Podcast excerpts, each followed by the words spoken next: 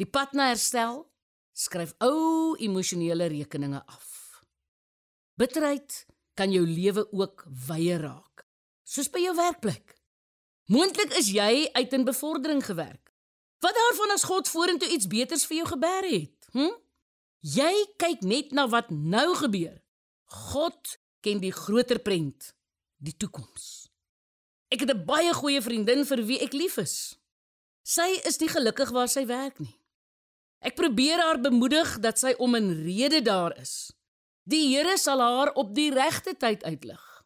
Ek moedig haar ook aan om gerus om ander poste aansoek te doen.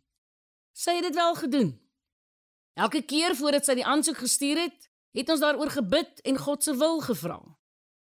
Ek onthou haar teleurstelling en hartseer toe sy nie die pos gekry het nie. En op 'n dag hoor ons dat die hele afdeling waarvoor sy aansoek gedoen het, toegemaak het. Verstaan jy nou dat God haar beskerm het? So, moenie toelaat dat bitterheid die wortel van moedeloosheid laat uitgroei nie. En dit net omdat jy nie die bevordering gekry het wat jy dink jy verdien nie. God is en bly in beheer van jou toekoms. Bitterheid word deur giftige wortels gevoed. En as jy nie daarmee ophou nie, sal dit jou later heeltemal oorneem. Daardie gif sal ook na die mense om jou versprei. Bitterheid kan letterlik van die een geslag na die ander geslag oorgedra word. Wil jy graag jou blydskap, vrede en vreugde terug hê?